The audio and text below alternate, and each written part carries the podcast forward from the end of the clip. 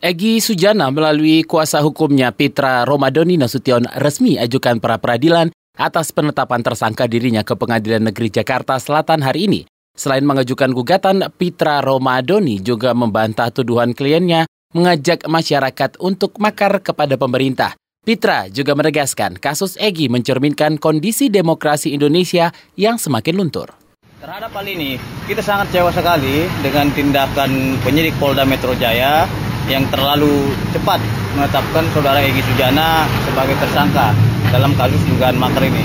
Karena kita ketahui bahwasannya laporan daripada Suryanto tersebut yang menetapkan Egy Sujana tersebut bukanlah oh, pasal makar, akan tetapi pasal 160 KUH pidana tentang menghasut ataupun penghasut. Itu tadi kuasa hukum Egi Sujana Pitra Romadoni Nasution. Sebelumnya Polda Metro Jaya menetapkan Egi Sujana sebagai tersangka terkait dugaan makar. Barang bukti yang menjadi pedoman penyidik yaitu video terkait seruan People Power Egi Sujana dalam sebuah orasi.